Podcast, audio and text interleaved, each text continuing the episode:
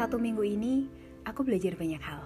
Mulai dari memahami bahwa setiap orang memiliki cara komunikasi dan cara pandang yang berbeda. Jadi saat kita bicara dengan orang lain, akan lebih baik kalau kita melihat gaya komunikasi seperti apa yang dapat dipahami oleh orang tersebut.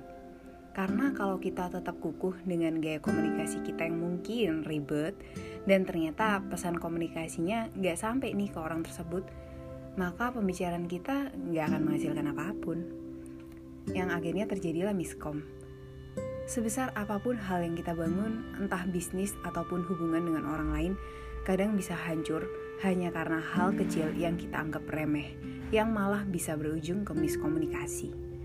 Dan minggu ini, aku juga sadar kalau ternyata aku orang yang terlalu cepat untuk menyimpulkan sesuatu dan berasumsi negatif untuk hal yang belum pasti.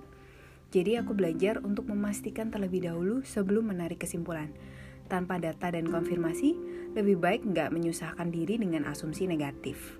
Komunikasi yang baik dan tepat adalah kunci untuk menjalani relasi yang baik dengan orang lain. Perhatikan lawan bicara kita dan amati cara bicara seperti apa yang sesuai dengan mereka. Terakhir, pastikan pesan yang kita sampaikan sudah dipahami dengan tepat. That's my sharing for today. Have a nice day.